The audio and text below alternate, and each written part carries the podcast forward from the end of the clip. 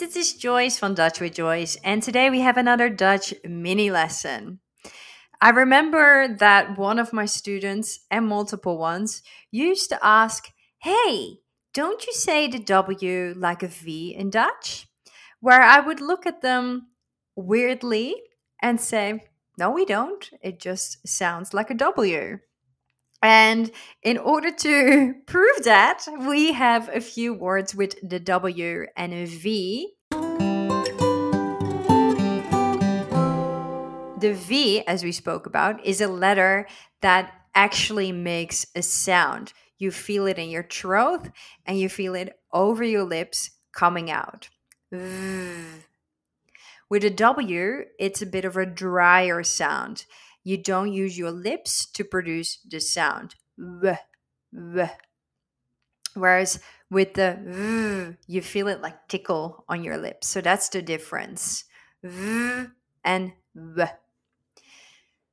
So, in regards to words, let's look at words in Dutch that sound similar but start with a W and a V. The wind in Dutch sounds like wind. However, to find, as we already know, is vind. Wind and vind.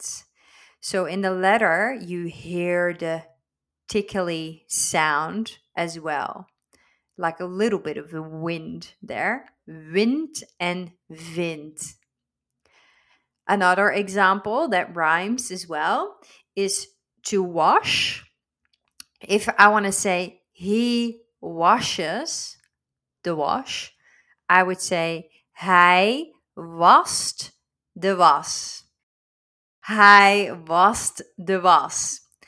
However, when something is tight, or when we already want to do something, we can say vast. So it sounds like fast, but with a V. Vast. So we can say wast and vast. So you can say, for example, if something is tight, iets zit vast. Iets zit vast. I could even combine the words and say, he already washes the wash. Hij wast alvast de was. That is going to be a little bit of a tongue twister. Hij wast alvast de was. So this might sound very similar, but if you listen clearly, you will hear the difference between a drier W and a V. Hij wast alvast de was. All right. In Australia, we say water. In Dutch, we say water water. Again, bit dry. But if we look at, for example, the family member father, we say vader. So there we hear the v clearly. Water and vader. Water and vader. De vader drinkt water. The father drinks water. De vader drinkt water. And the last example is work. Work is werk, werk. And traffic is verkeer, verkeer. So if you want to say, I am in traffic to work, then you can say, ik zit in het verkeer naar werk. Verkeer en werk. Ik zit in het verkeer naar werk.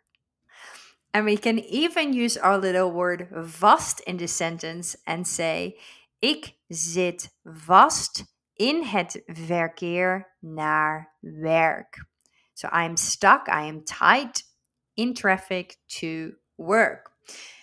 Hopefully, this explanation helped. You can just use the proper W sound like you know it in Dutch for the W and the V sound for the V in V words.